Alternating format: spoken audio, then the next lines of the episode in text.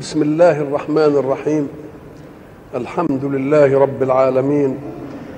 والصلاة والسلام على أشرف المرسلين وخاتم النبيين ورحمة الله للعالمين سيدنا محمد وعلى آله وصحبه أجمعين. وبعد فقد وقفنا في اللقاء السابق عند قول الله سبحانه أعوذ بالله من الشيطان الرجيم.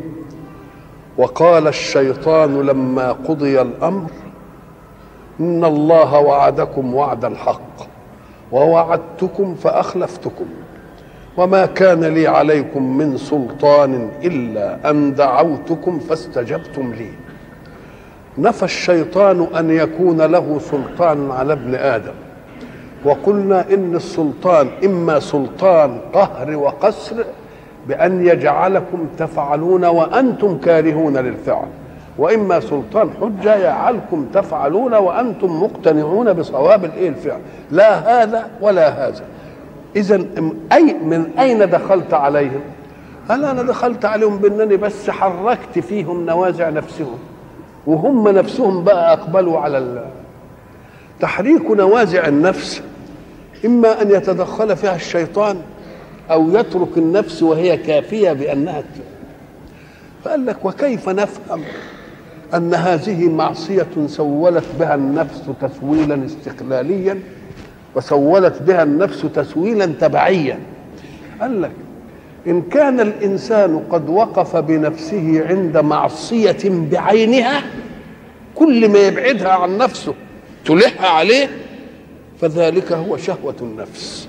لأن النفس تريد الإنسان عاصيا من لون يحقق لها شهوتها.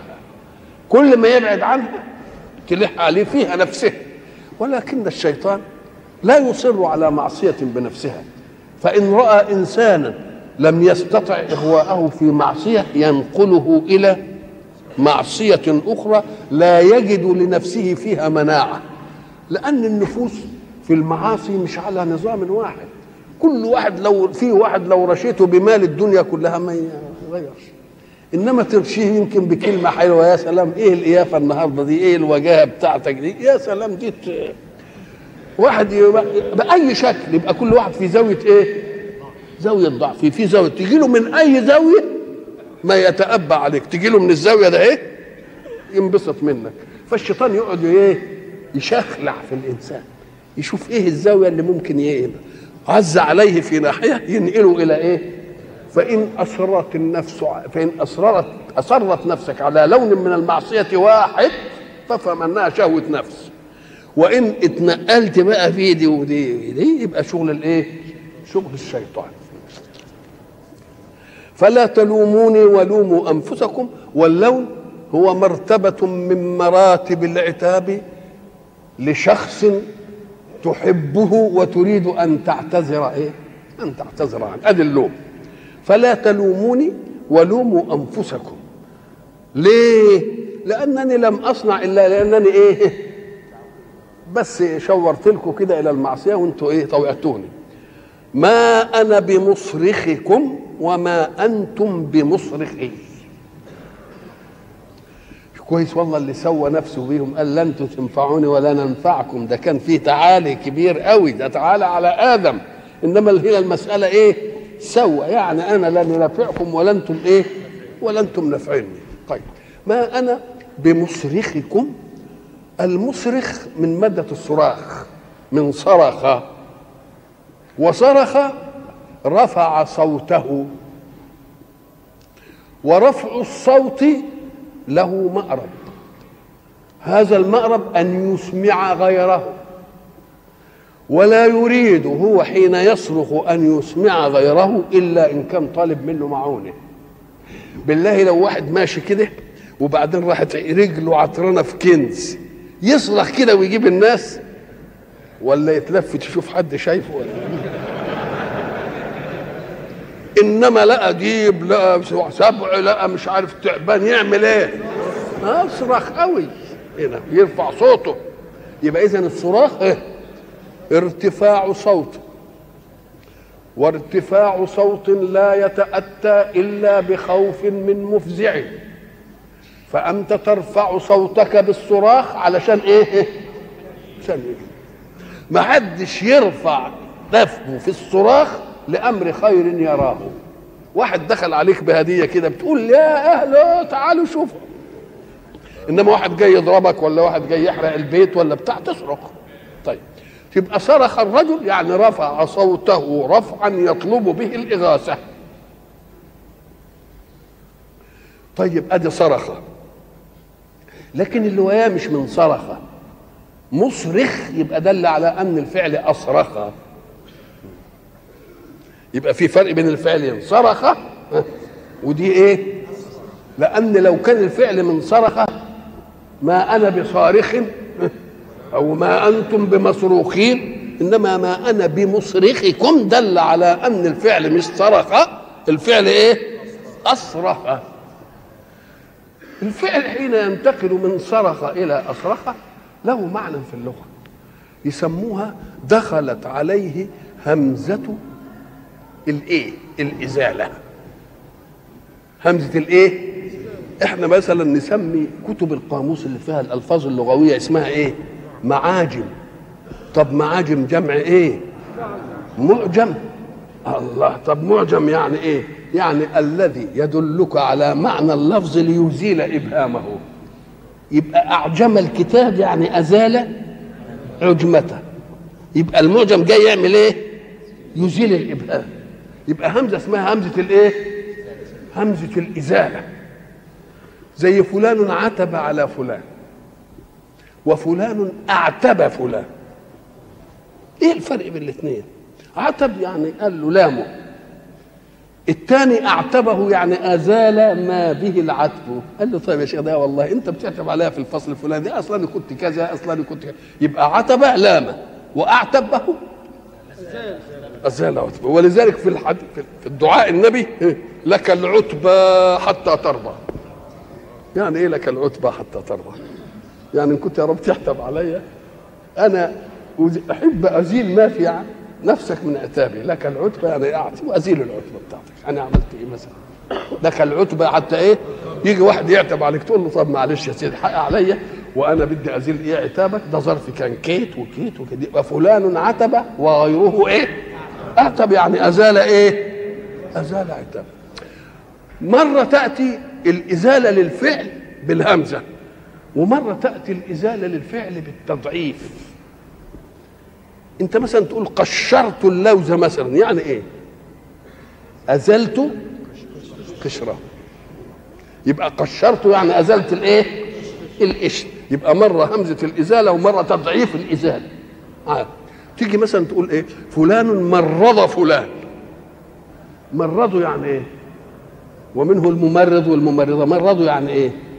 بيعمل له العمليات اللي تزيل إيه؟ الطبيب مرض فلان.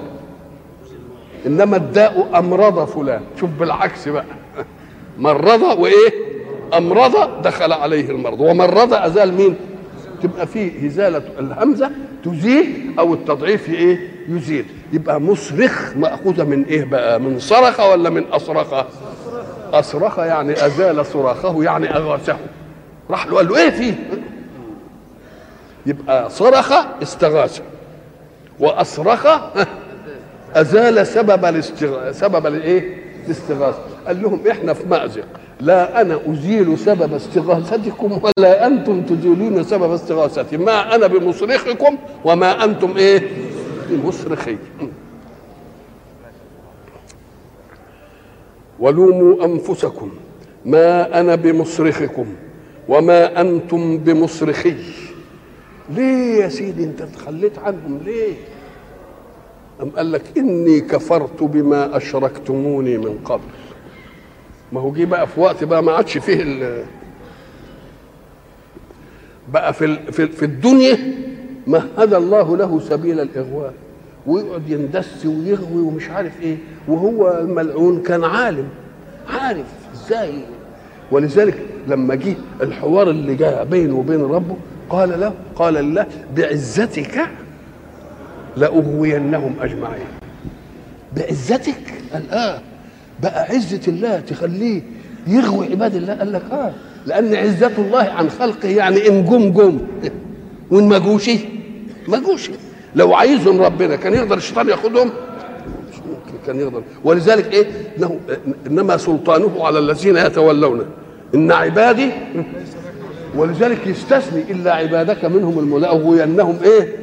أجمعين وبعدين التفت لنفسه. قال له إلا عبادك منهم المخلصين. اللي أنت عايزه أنا ما أقدرش ارم يبقى الحرب اللي كانت موجودة بين الشيطان وربه ولا بين الشيطان وبين خلق ربه؟ هو حد يجرؤ يدخل المعركة دي ده عالم قال بعزتك عن خلقك أنا هغويهم أجمعين. إلا؟ عباد اللي أنت عايزه يا رب أنا ما أقدرش أهوب إيه؟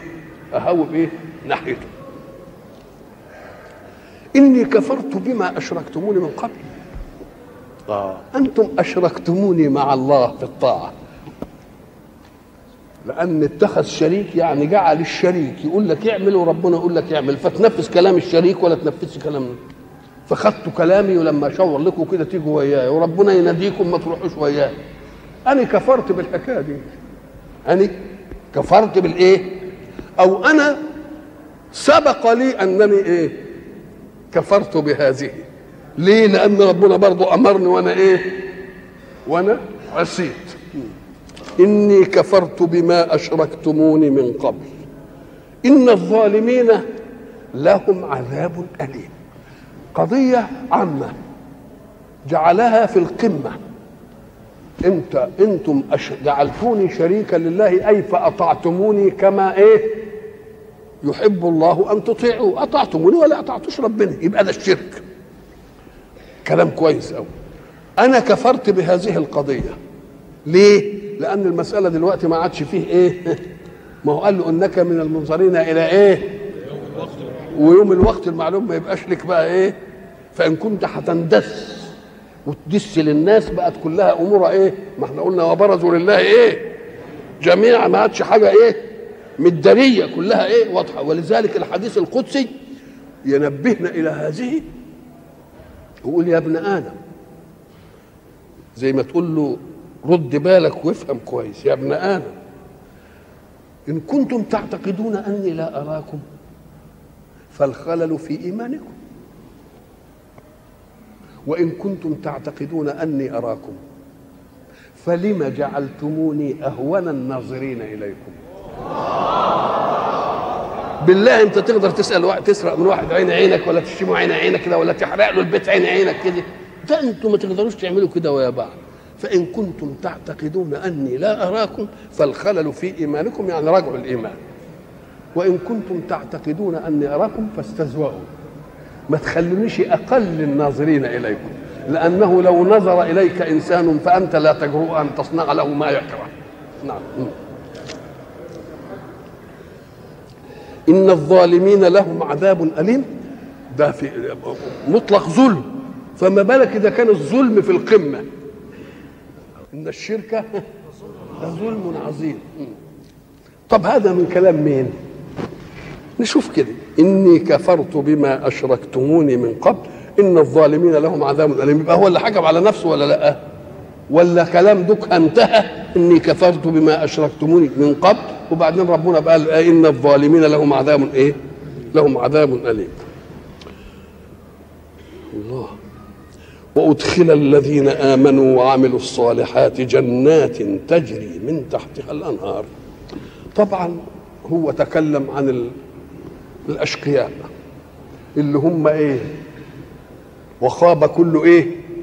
جبار عنيد من ورائه ويسقى من ماء صديد وقعد يتكلم عنه.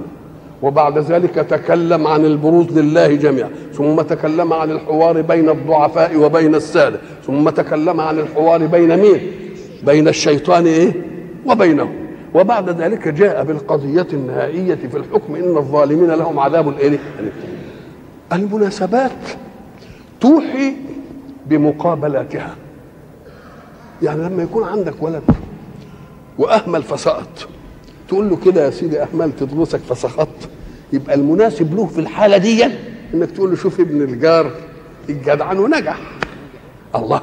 اذا إذا مجيء الشيء مع مقابله بتكون النفس إيه؟ أقبل له. ولذلك ربنا لما يقول إن الأبرار لفي نعيم. يخلينا بقى نفهم الأبرار والنعيم بتاعهم يقول وإن الفجار لفي جحيم. يقوم يجيب الإيه؟ يجيب المقابل. فكما جاء مقابل الأشقياء لازم بقى يفتح نفس الإيه السعداء بالإيمان يقوم يجيب الإيه؟ المقابل. فبعد ان تكلم عن هذا قال وأدخل الذين آمنوا وعملوا الصالحات جنات تجري من تحتها الأنهار. مرة تيجي الفعل وينسب إلى ثلاث جهات. لكن لكل جهة في النسبة ملحظ. مثلا الذي يميتنا هو الله. والذي إيه؟ يميتني؟ هو اللي بيميت. يقول إيه؟ الله يتوفى الأنفس. يبقى نسب الفعل لمين؟ وبعدين يقول يقول يتوفاكم ملك الموت. مش كده؟ ثم يتكلموا عن جماعة تانيين وهي ملك. توفته رسلنا. يبقى الفعل الواحد يسند إلى إيه؟ مرة يسند إلى الله مرة يسند إلى إيه؟ عزرائيل بتاع ملك الموت مرة يسند إلى المباشرين للعملية. أم قال لك من الله إذنا وأمرا؟ خلاص. ومن ملك الموت تلقيا للأمر. ومن الرسل اللي تحت ملك الموت تنفيذ للأمر. يبقى كل واحد واخد إيه؟ أدخل الذين آمنوا. في قراءة وأدخلوا أي المتكلم وهو الحق سبحانه وتعالى وأدخلوا الذين آمنوا وعملوا الصالحات جنات. يعني التكلم لمين؟ لله. إنما هنا وأدخل. من الذي أدخل؟ الله أدخل إذنا. والملائكة الموكلين للباب يفسحوا لهم وهم يدخلوا. يبقى الكلها واخدة إيه؟ واخدة إيه؟ ملاحظ وأدخل الذين آمنوا مقابل بقى. وعملوا الصالحات جنات. تجري من تحتها الأنهار خالدين فيها. طبعا. ادخل الذين آمنوا. كل الكلام يدخل جنات جنات جنات جنات. إيه الجنات؟ إحنا نفهم إن الجنة معناها في أصل اللغة الستر ومنها الجنون ستر العقل. فلما جن عليه الليل الظلم إيه؟ سترته. يبقى المادة الجيم والنون دي تعمل إيه؟ الستر. أما قال لك إيه؟ الجنة مأخوذة من الستر لأن فيها إيه؟ أشجار كتيرة بحيث إن اللي يمشي فيه ما يبانش. يبقى تستر بخضرتها وسموق أشجارها اللي إيه؟ أو أن من يدخلها يجلس فيها ولا يراه أحد لأنها فيها كل خير لا يلجئه أن يخرج منها. يبقى كده يبقى دي ودي وتطلق برضو على جنات الدنيا. يود أحدهم أن تكون له جنة إيه؟ إنا بلوناهم كما بلونا أصحاب الإيه؟ الجنة. على الأول هنا ربنا لما يجي يقول الجنة. الجنة غير المساكن. قال لك مساكن في جنات إيه؟ يبقى فيه مسكن وفيه إيه؟ يبقى الجنة دي أنت عارف زي, زي ولله المثل الأعلى البستان العمومي الحديقة العامة. اهي الجنة بقى الحديقة العامة بتاعت الآخرة بقى الواسعة دي. والوسع دي موزع على كل مرأى عين. ليه؟ قال لك لأن الإنسان من عجائب تكوينه مرة يحب أن يتخصص في مكان ومرة يحب أكثر أن يشيع في مكان. يتخصص في مكان يبني له إيه؟ مش مش شقة في عمارة؟ لا. أنا عايز فيلا لوحدي. زي ما يقولوا بيت من إيه؟ من بابه. دي يعني الحاجة الحلوة قوي واللي له من بيت من بابه لما يبقى الأسرة كده وكل واحد له أوضة. كل واحد له إيه؟ وبعدين كل واحد له ملابس. يبقى عايز التخصص في شيء وعايز العمومية في شيء. يطلع بقى يلاقي مكان إيه؟ مكان واسع ومكان فسيح. ولذلك حتى إحنا في تقييمنا للأشياء بنقيم الأشياء على هذا الأساس. حتة أرض هنشتريها نبني عليها مسكن إنما على حارة. يبقى مترها بكذا. طب ده على شارع واسع. يبقى مترها بإيه؟ بكذا. ليه؟ لأنني محسوب في التقييم الحارة اللي قدامي حارة صغيرة. ومحسوب في التقييم إن قدامي إيه؟ شارع. فدي تاخد المتر ب 20 جنيه ودي أنا هو كلام. ودي تاخد المتر ب 50 جنيه. ليه؟ لأن الشارع باتساعه محسوب على. ومحسوب عليك وعلى الثاني وعلى الثالث وعلى الرابع وعلى الخامس وعلى السادس. سلك اللي مثلا يجي ياخد مثلا بيت في جنينة واسعة في ميدان نقول له بقى يبقى أكتر من الشارع. طب اللي يجي ياخد بيت على البحر أوه البحر الواسع ده قدامك بتاعك. يبقى ما تقوليش ده أنا اشتريت المتر ب 1000 جنيه ده المتر ما وقفش ولو بنص مليم. لأنك لما تحسب بقى الفضاء اللي قدامك ده ما فيش حاجة تحجبه احسبه عليك بقى يطلع بنص مليم. انت واخد ما حدش جاي قدامك ولا حد هيضايقك ولا حد يعمل أي حاجة. اهي الجنات بقى بالشكل ده. أمكنة واسعة وكل واحد لها إيه؟ ومساكن طيبة في إيه؟ في جنات عدن يبقى الجنة شيء والمساكن فيها إيه؟ شيء آخر. فلما يجي يقول لك إيه؟ آه انت رحت في اللون. أيوه دخلت جنينة فلان. يبقى ما دام جنينة ده يبقى البيت إيه؟ شيء حاجة تانية. قوي يبقى لما ندخل في الجنة يبقى مكان إيه؟ مكان واسع قوي جنات تجري من تحتها الأنهار. قلنا مرة تجري تحتها الأنهار وتجري من تحتها ومفهوم الكلام. خالدين فيها بإذن ربهم. الله. الإنسان في الدنيا يحب التنعم بس التنعم ينغص عليه أشياء. يا ترى هذا النعيم الذي أنا فيه يدوم لي أم ينزع مني؟ في أغيار شفنا واحد عينينا شافت إن في ناس عندها نعيم ونزع منه. طيب افرض إنه فضل أنا أفضل له ولا ما أفضلش أموت؟ يبقى إذا نعيم الدنيا مهما سما. خلاص؟ في أغيار. هذه الأغيار إما أن يفوتك النعيم وإما أن تفوت أنت النعيم. لكن في الآخرة لا يفوتك النعيم لأنها لا مقطوعة ولا مقطوعة. ولا تفوت أنت النعيم لأنك خالد فيها. يبقى في اثنين. يبقى في أمرين اثنين. وشيء آخر أعلى من ذلك أن نعيمك في الدنيا على قدر إمكانياتك أنت.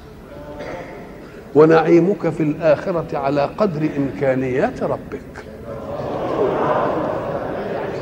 وأدخل الذين آمنوا وعملوا الصالحات جنات تجري من تحتها الأنهار خالدين فيها. كلمة وأدخل ما جابش قالش إن ربنا أدخلهم ولا الملائكة ولا هم اللي دخلوا. جابها كده وما عشان تشمل إيه؟ تشمل الكل. أدخلوا ما دام قال بإذن ربهم يبقى اسند الدخول لمين؟ للملائكة المكلفين. ما دام قال بإذن ربهم ما يقولش أدخلهم بإذنه لأن ما دام أدخلهم هو. أو أن الخلود هو باذن الله. بإذن ربهم. تحيتهم فيها سلام. ما معنى التحية؟ هو ما يواجه به الإنسان أخاه. إثباتا لسروره باللقاء. هذه معنى تحية. ولذلك تأتي التحية على قدر مقدار سرورك. مرة التحية تكتفي بها كده. مرة التحية ما تكتفيش بها كده تسلم عليه. ومرة التحية بتاخده بحضن ومرة صاحب الحضن بكلام أهلا ومش عارف إيه وتقعد بقى. يبقى التحية معناها إيه؟ إعلان سرورك بالإيه؟ باللقاء. التحية اللي هتبقى للجنة في الجنة سلام. سلام. قال لك لأن هو السلام ده هو مهم. يعني أمن كل إنسان. سلام مع نفسك. مش هتيجي في يوم من الأيام تقول أنا ليه عملت دي وليه زملت دي؟ الان أنت مالكش عمل بقى. ده المسألة كون هي اللي بتشتغل. سلام مع الكون. سلام مع الجمال. سلام مع النبات. سلام مع الناس اللي زيك. سلام مع الملائكة. ولذلك بقى إيه؟ تحيتهم فيها لما نحيي بعض سلام. لأن ده أحسن نعمة. أن نعيش في سلام وإيه؟ وأمن. طيب. والملائكة يدخلون عليهم إيه؟ برضو برضو يحيونهم بالإيه؟ بالسلام. وبعد ذلك يبقى السلام الأعلى من الله. سلام قولا من رب رحيم. فإذا كان السلام منا لبعضنا ادي مرحلة ومن الملائكة لنا ادي مرحلة ومن الله لنا ادي أعلى إيه؟ أعلى مرحلة. وأدخل الذين آمنوا وعملوا الصالحات جنات تجري من تحتها الأنهار خالدين فيها بإذن ربهم. تحيتهم فيها سلام. منهم لأنفسهم من الملائكة الذين يدخلون عليهم من الايه من السلام الأعلى وهو الله. بعد لما ذكر الأشقياء وما ينتظرهم والسعداء وما ينتظرهم أراد أن يضرب لنا مثلا يوضح فيه منهج الأشقياء ويوضح فيه منهج السعداء. برضو ألم ترى؟ ألم ترى كيف ضرب الله مثلا كلمة طيبة كشجرة طيبة؟ أصلها ثابت وفرعها في السماء.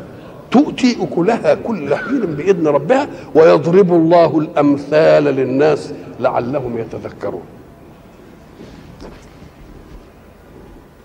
ضرب الله مثل ما هو المثل؟ المثل هو الشيء الذي يوضح بالجلي الخفي. شيء جلي قدامك وشيء خفي عنك. نقوم نوضح الخفي بإيه؟ تقول له الا فلان ده شكله إيه؟ يقول له انت شفت فلان؟ اهو مثل فلان. يبقى انت سألت عن واحد ما تعرفوش. فجاب لك مثل انت تعرف. يبقى المعنى المثل هو إيه؟ انك انت توضح خفي بجلي. ليه؟ قال لك لأنه بينقل المعاني إلى أمر محس. والإنسان إلفه بالمحس قبل إلفه بالمعاني. لأن الحواس الإدراكات الحواس تديك حاجات حسية الأول وبعدين تديك الإيه؟ المعنويات. يبقى الفنا بإيه؟ أول الف لنا بالأمر الإيه؟ الحسي. وبعدين ننتقل من الأمر الحسي إن ولذلك ربنا يقول إن الله لا يستحي أن يضرب مثلا ما بعوضة فما فوقها. اوعى تفتكر تقول بعوضة إيه اللي ربنا يضرب لها مثلا؟ ولذلك هم قالوا كده إيه ربنا مثل بالايه بالبعوضة يتليوا على عينيكم أنتوا فاهمين حاجة.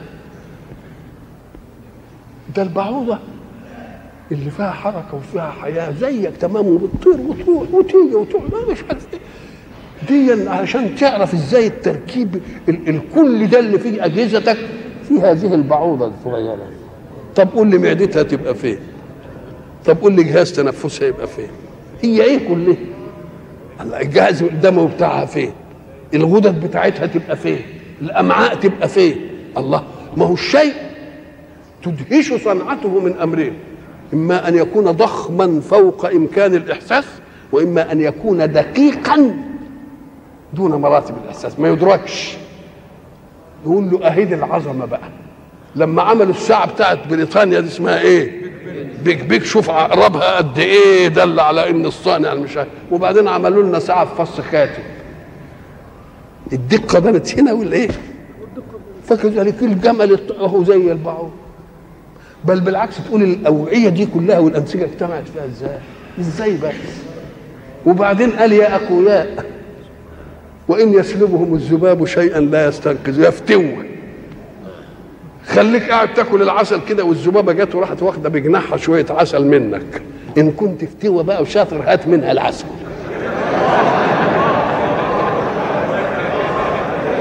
شوف الضعيف ده أهو. وإن يسلبهم الذباب شيئا لا يستنقذون. ضعف الطالب والمطلوب.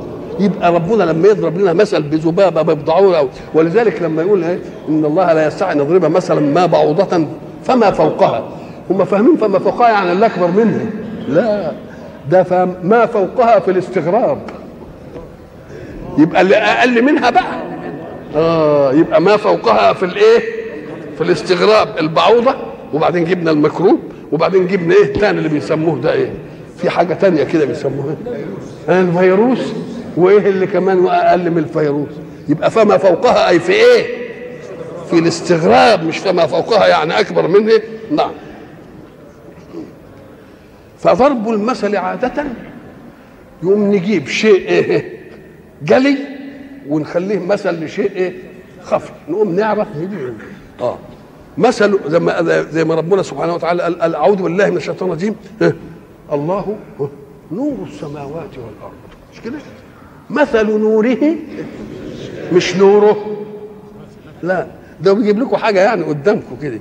مثل نوره أي تنويره للكون كله. إيه؟ كمشكاة فيها مصباح. الناس بتفهم من المشكاة يعني اللمبة. لا المشكاة الطاقة بتاعت زمان اللي كانت عندنا في الإعان. يعملوا طاقة صغيرة كده يعني شباك غير نافذ ويحطوا فيه الإيه؟ اللمبة. يبقى المصباح اللي اتحط في المشكاة المشكاة دي إيه؟ حيزها بسيط وفي قلبها مصباح. مش بيضرب مثل عشان إن المصباح هينور الأوضة. لا ده هينور بس المشكاة. شوف النور يبقى إيه بقى؟ في مشكاة اهو. والمشكاة بس مش لمضة بصاروخ من اللي بيبقى لها دخان. ده المشكاة إيه؟ فيها مصباح والمصباح فيه زجاجة.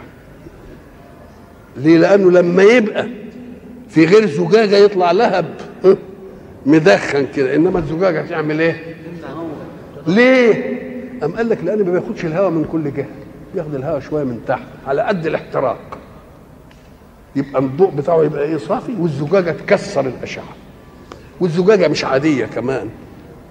بقى الحيز محدود. الطاقة مش الحو مش الأوضة. والمصباح فيه زجاجة. والزجاجة مش عادية. الزجاجة كأنها كوكب دري. لا. والزيت اللي بيضيء دي ما هوش عادي. ده من شيء من زيتون مش زيت قطن والشجرة بتاعته لا شرقية لا مزاج حر ولا ما على أرفع المستويات يبقى حيز محدود. خلاص؟ في نور مصفى مصباح والمصباح في زجاجة والزجاجة كأنها إيه؟ كوكب دري والزيت اللي بيعمل شجر زيتونة. والزيتونة إيه؟ لا شرقية ولا غربية. الله؟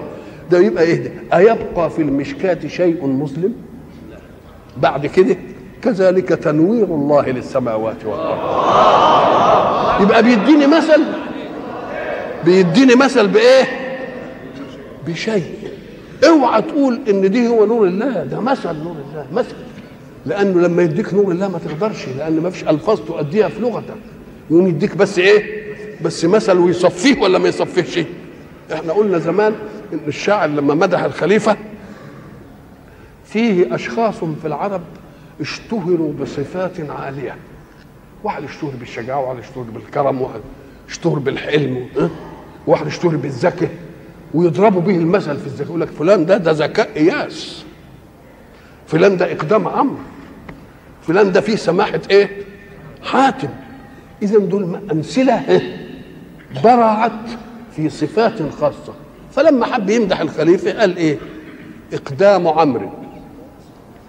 في سماحة حاتم في حلم أحنف. أحنف ده كان يضرب به المثل في الحلم. في ذكاء إياسي. يبقى المواهب المتفرقة في الفضائل تجمعت فيه. كل واحد من دول في خصلة واحدة من المواهب. فيه دي إيه كله؟ ومع ذلك اللي قاعد قال له كيف تشبه الخليفة بصعاليك العرب؟ إيه يعني عمرو؟ وايه يعني مش عارف مين؟ وإيه يعني مين؟ فالراجل أخذ الأمير فوق من وصفت. الأمير فوق من وصفت. فابو تمام عشان ربنا ينصره في الموقف صن شوية كده وكمل من القصيدة بحرا وقافية. قال إيه؟ لا تن هو بيقول إقدام عمرو. في سماحة حاتم في حلم أحنفة في ذكاء إياسي. خلاص؟ قال لا تنكروا ضربي له من دونه مثلا. أنا جبت ناس دونه صحيح إنما ضربته إيه؟ مثل لأن دول مثل شرود مثلا شرودا في الندى والباسي. فالله قد ضرب الأقل لنوره مثلا من المشكاة والنبراس.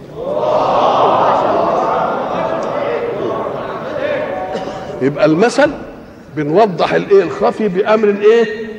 بأمر جلي وبعدين قد يشيع المثل حينما يطلق. يشيع فيبقى مثل شرود كل الناس تقوله وإن اختلفت مواقعه في الناس. مثلا يجي ولد بيهمل دروسه طول السنة وبعدين جه ليله الامتحان قال مسك الكتب ها؟ ولا هو رايح المدرسة قال مسك الكتاب المادة وقعد يقرأ فيه. طب بالله يعني المشوار ده من المدرسة هتفهم فيه إيه؟ يقوم بقى أبوه أو اللي ماشي وياه يقول له إيه؟ قبل الرماء تملأ الكنائن. الكنائن الكنانة اللي فيها السهام اللي بيصطاد به تجيبها تقعد تحطها في كنانه ساعة الصيد ولا قبلها؟ يعني معناها المذاكرة تبقى قبل كده بشوية. المذاكرة تبقى إيه؟ قبل كده إيه؟ يجي واحد مثلا آه، كده عامل فتوة وبعدين قعد يشيح في الناس ويضرب فيهم. وبعدين جاله واحد فتوه عنه. راح ماسكه كده وهفه قلمين راح ساجد له. يوم التاني يقول له إن كنت ريحا فقد لاقيت إعصارا. اهو ده مثل بقى. إن كنت ريحا فقد لاقيت إيه؟ ولذلك المثل لا يغير. يفضل مثل إن كنت تخاطب به مفرد تخاطب به أنثى تخاطب به اثنين تخاطب هو لا يغ- يغير لما لما قال ما وراءك يا عصام بعت عصام عشان تخطب له واحدة وتشوف إيه حساب. قال له قال لها ما وراءك. يعني إيه الأخبار اللي أنت شفتها؟ ما كان بعتها تخطب بنت. فبقول لها إيه يعني؟ شفت إيه؟ ما وراءك يا عصام. فقعدت تحكي له وتقص له خلاص؟ فأصبح مثلا الآن أي واحد تبعته في مشوار ساعة ما يجي يقول له ما وراءك يا عصام. ما تقولش ما وراءك ولا ما وراءكما ولا ما وراءكن ولا ما هو يفضل الإيه؟ المثل مضروب. يبقى ضرب زي ما تقول ضربت العملة. بقى أمر إيه؟ بقى أمر نافذ. ما هو ضرب العملة معناه إنك تجيب قطعة مثلا من الفضة أو من الذهب وتسكها. ولذلك يقول لك ضرب كان زمان نسميه ضرب في إيه؟ يعني بقى خلاص صار اعتمد وإيه؟ وبقى أمر إيه؟ واقع. فكذلك المثل يصير امرا إيه؟ واقعا. ألم ترى كيف ضرب الله مثلا؟ إيه المثل اللي ضربه؟ كلمة طيبة. كشجرة طيبة. أصلها ثابت وفرعها في السماء تؤتي أكلها كل حين بإذن ربها. ويضرب الله الأمثال إيه؟ للناس لعلهم يتذكرون.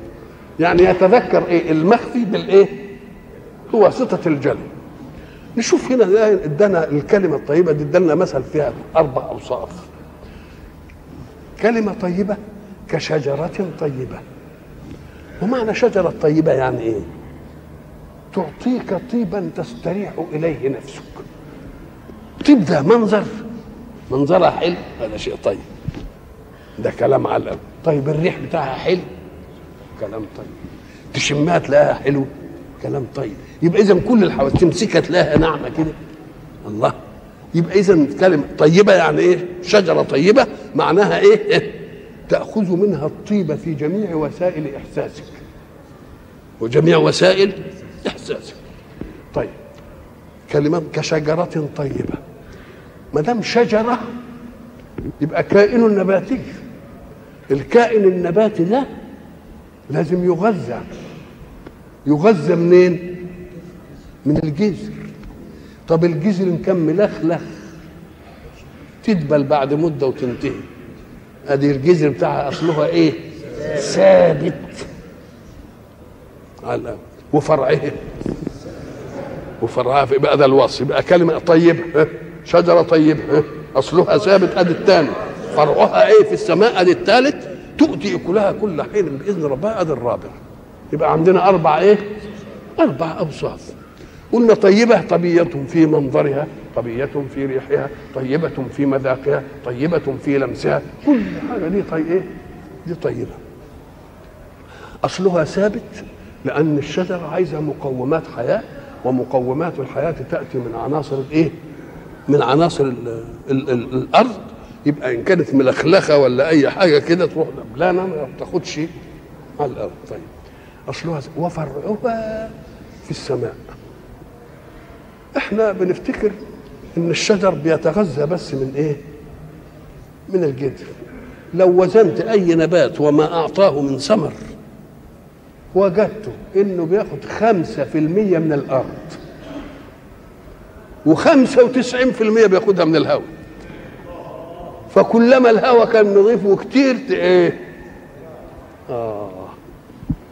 يبقى وفرعها في السماء يعني. قال لك تعالى بقى علشان تشوف الأغيار التي في الأرض. إحنا بنسمع دلوقتي كلمة بيئة ملوثة. معنى بيئة ملوثة يعني إيه؟ يعني إن الهواء اللي بنستنشقه ده ها، ما هوش إيه؟ ما عادش طبيعي. دخلت فيه عناصر إيه؟ ضارة. العناصر ضاره دي من إيه؟ إما أن يكون مثلا الأرض مش مرصوفة والأرض فيها تراب بتهيج أدي واحدة.